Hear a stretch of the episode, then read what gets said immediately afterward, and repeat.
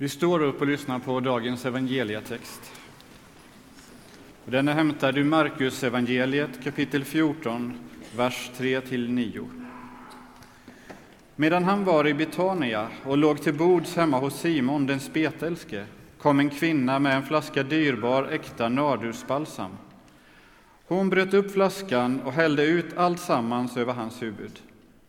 Några blev förargade och sa till varandra vilket slöseri med balsam! För den oljan hade man ju kunnat få mer än 300 denarer att ge åt de fattiga. Och de grälade på henne. Men Jesus sa, låt henne vara. Varför gör ni henne ledsen? Hon har gjort en god gärning mot mig. De fattiga har ni alltid hos er, och de kan ni göra gott mot när ni vill. Men mig har ni inte alltid. Hon har gjort vad hon kunde. I förväg har hon sörjt för att min kropp blev smord till begravningen. Sannerligen, överallt i världen där evangeliet förkunnas ska man också berätta vad hon gjorde och komma ihåg henne. Varsågoda.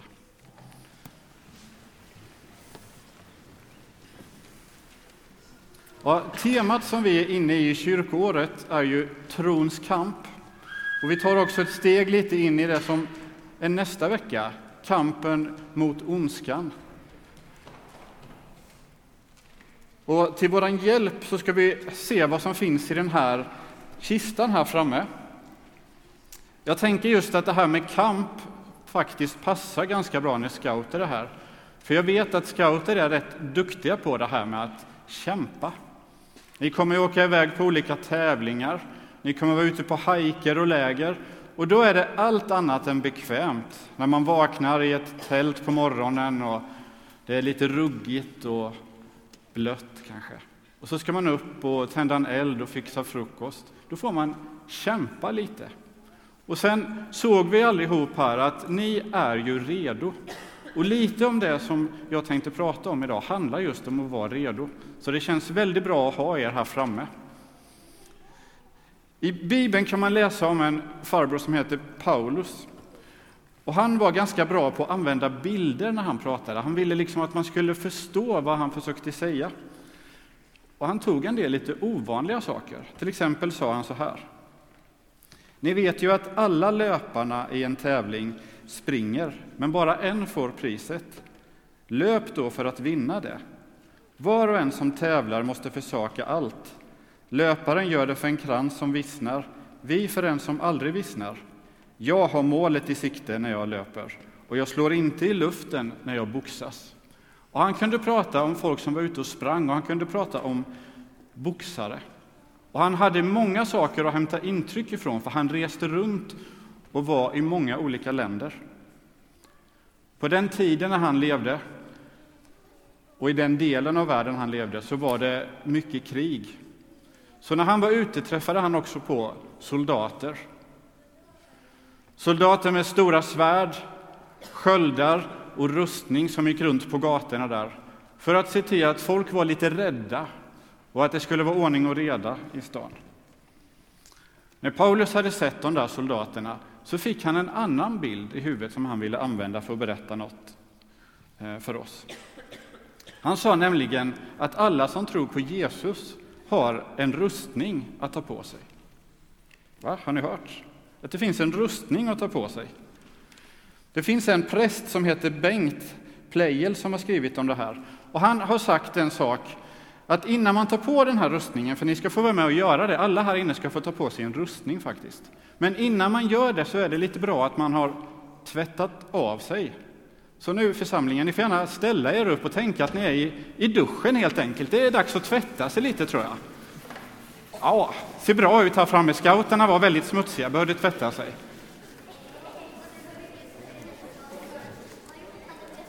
Så, nu tror jag att vi är rena och fina och kan sätta oss ner igen. Det är ju faktiskt så om man ska gå på fest och ska ta på sig finkläder, då måste man ju ha tvättat sig innan, annars så finns ju smutset och svettlukten kvar där. Men den här rustningen som vi ska ta på oss nu, som är Guds egen rustning, då kan det vara skönt att ha bett en liten bön. Så det var det som den här prästen menade, tror jag, med att man kan tvätta sig. Att man bara ber en liten bön och tackar Gud för att han vill vara kompis med en och berätta saker som man tänker på för honom. Men man kan ju fundera på det ändå. Att man skulle ha som en rustning. Tänk vilket intryck det skulle göra på stan om alla som skulle till kyrkor kom och marscherade fram i en rustning med svärd och sköld. Och vilket skrammel det skulle bli inne i bänkarna och vilken risk att man skulle råka sticka till någon som man tyckte sjöng lite falskt på någon sång. Va? Vad menar Paulus egentligen? Jag tycker vi måste ta reda på den här gåtan faktiskt. Ska vi be Eva komma fram?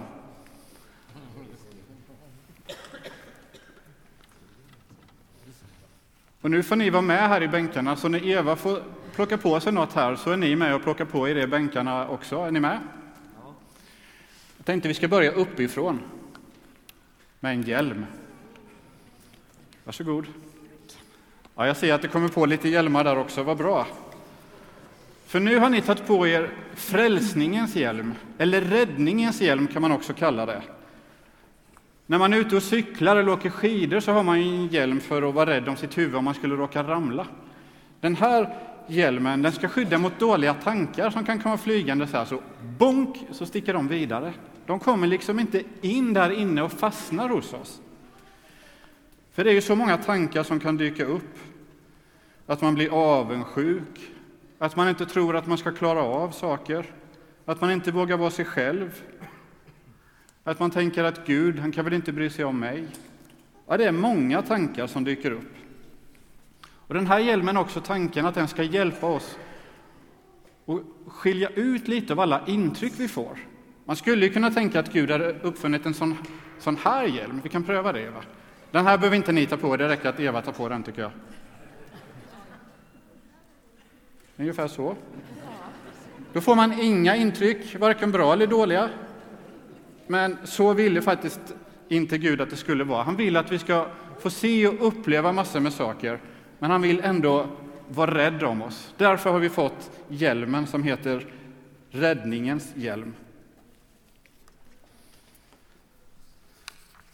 Sen så kommer vi till nästa del. Varsågod. Ja, ni kommer ihåg att ni trär på er också. Det här kallas för ett pansar. Och det är ett svårt ord, rättfärdighetens pansar.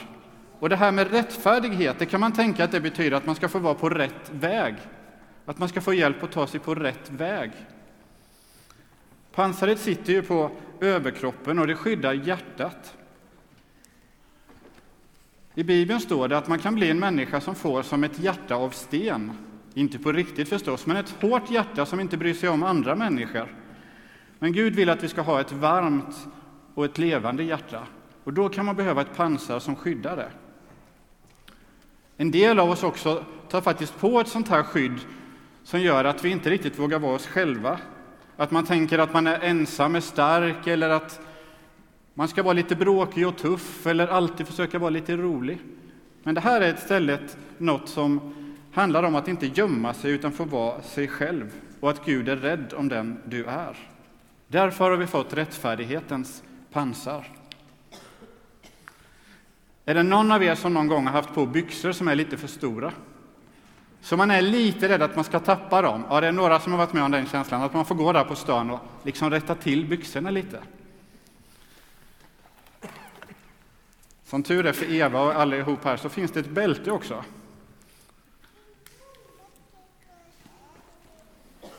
Det här bältet kallas för sanningens bälte som ni knäpper på nu. Och det är ett skydd mot lögner och saker som inte är sant och mot skitsnack och sånt. Sådana saker som får oss att inte må bra. När man ljuger så är man ju faktiskt rädd för att bli avslöjad. Och till sist så blir man väldigt ofta det. Och då känns det lite som att stå där, att man har tappat byxorna. Man blir avslöjad. Då är det skönt att ha sanningens bälte. Och Jesus har själv sagt om sig att jag är sanningen. Sanningens bälte hjälper oss att vara en bra och nära vän med Jesus. Och nu får vi byta skor här. Okej, de kanske inte ser ut riktigt som de romerska soldaternas, men vi har konstaterat att de luktar ungefär likadant.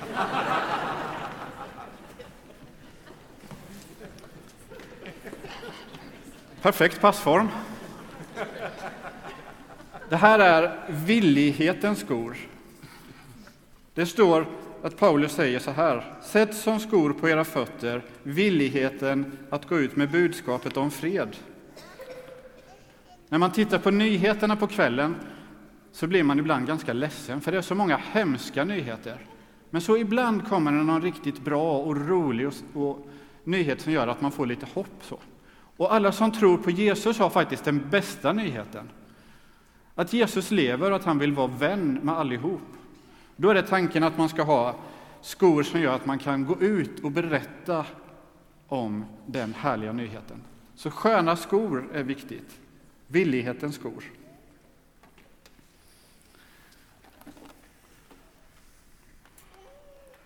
Sen när man har en rustning så måste man ju ha en sköld också. Så ni kan ta ner sköldarna nu så att ni ser mig allihop där. Bra. Den här ska skydda mot något riktigt, riktigt läskigt. En av de värsta sakerna de visste i krig på den tiden var brinnande pilar. Tänk att vara ute där och så kommer det brinnande pilar och far. Då kan man hålla upp sin sköld och så fastnar de i skölden och ramlar ner och slocknar. Det kommer en hel del dumma budskap skickade mot oss människor som kan vara som sådana här brinnande pilar. Som kan säga att nej, Gud finns nog inte, han är bara en saga. Det där kan du väl inte tro på? Eller, men du, ta det där godiset, det är ingen som märker. Och när man får sådana där brinnande pilar emot sig, då har vi den här skölden som kan skydda oss mot de budskapen. Det finns faktiskt, de här sköldarna de hade såg lite annorlunda ut, de var stora så här, höga, rektangulära. Och de var också tanken att man skulle använda för att skydda varandra. Så när soldaterna kom samman så ställde de sig nära varandra och så höll de upp sina, sina sköldar. Och så fanns det andra som hjälpte till, så man byggde liksom nästan som ett hus bakom sköldarna, med tak och allting. Så vi har fått sköldar också för att hjälpa varandra. Den här prästen jag pratade om innan, han skrev så här, det tycker jag var bra. Vi behöver hjälpa och stödja varandra så att jag blir en sköld för dig och du blir en sköld för mig. Det stora misstaget som kristen är att bara tänka på sig själv. Nu har vi kvar en sak. Nu tar ni det försiktigt i bänkarna när ni tar upp svärdet.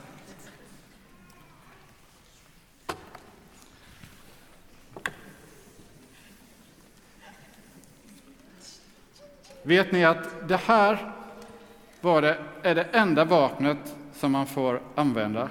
Men det är faktiskt inte ett vanligt svärd. För svärdet här handlar om Guds ord. Alltså det Gud vill berätta för oss i Bibeln. Jesus var tydlig med att säga att vi aldrig ska använda några andra svärd. Men svärdet som Guds ord, det betyder inte heller att, att man ska gå runt med sin bibel och slå, slå den på folk förstås. Utan det handlar om att det man läser i den boken, de orden, ska kunna få göra om en själv så att man kan få betydelse för andra människor. Så att man kan verkligen tycka om andra, att man kan trösta och uppmuntra andra, hjälpa andra. Och det finns faktiskt många bra bibelord som man kan lära sig utan till, även om man är ganska liten.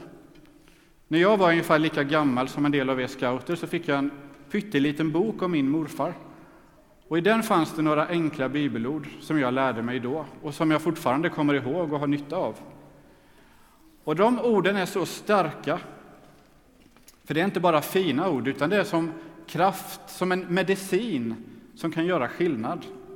Så det här är ett svärd som hjälper till så att det inte gör ont istället för ett svärd som gör ont. Det är sådana svärd ni har fått. Ja, nu är rustningen komplett, både på Eva och på er i bänkarna. Och det är Gud som har gett den till oss för att hjälpa oss och rädda oss ifrån det som är ont. En rustning kan ju få oss att tänka på krig och det finns det ju tillräckligt av i världen. Vi vill ju ha färre krig och mer fred. Och den här rustningen är just för fred. För det bästa vapnet är kärleken. Och det kan Guds motståndare inte klara av. Kärlek. Det står ett par saker till i Bibeln om klädsel. Det står också att vi ska ha på oss ljusets rustning. Det var därför vi sjöng den här sången innan, om ljuset som vi tänder. Att vi får faktiskt vara som ljus för andra människor. Ja, vi ska snart avsluta predikan här, men kolla lite på dina bänkgrannar, på de fina rustningarna ni har på er. Guds egen rustning. Och på morgonen, kanske i morgon bitti när du vaknar och tar på dina vanliga kläder, så kan du tänka på att också dra på dig den här rustningen. För både små och stora får faktiskt vara med om en och annan kamp varje dag. Då är det skönt att veta att Gud har gett oss en rustning. Och tror man på Jesus, då har man aldrig den kampen ensam. Utan Gud är faktiskt så nära, så nära som min favorittröja. Tack Eva. Medan Eva klär av den här rustningen här så ska vi alldeles strax gå in i en stund av förbön där vi får tacka och be till Gud. Och vi kommer ha lite olika stationer när vi kan göra det. Man kan tända ljus här framme i trädet eller nere i ljusgloben. Och man kan få skriva sin bön på en lapp nere vid det runda bordet. Vi kommer inte läsa de bönerna högt, men vi kommer lyfta dem inför Gud. Och det kommer finnas personlig förbön på tre ställen. Man kan komma till Eva här framme vid dopkällan, till Bernt som sitter nere vid trappan och Frida som finns ute i andaktsrummet. Och så just för idag så kommer vi också spara den här rustningen och lägga dem på borden där. Och dit kan man gå fram och be en liten bön om att men jag får många tankar som känns jobbigt. Jag vill ha lite mer av den här hjälmen. Eller jag vill berätta om det här goda budskapet. Jag vill ha de här billiga skorna. Vi rör oss i rummet under tiden som vi sjunger tillsammans.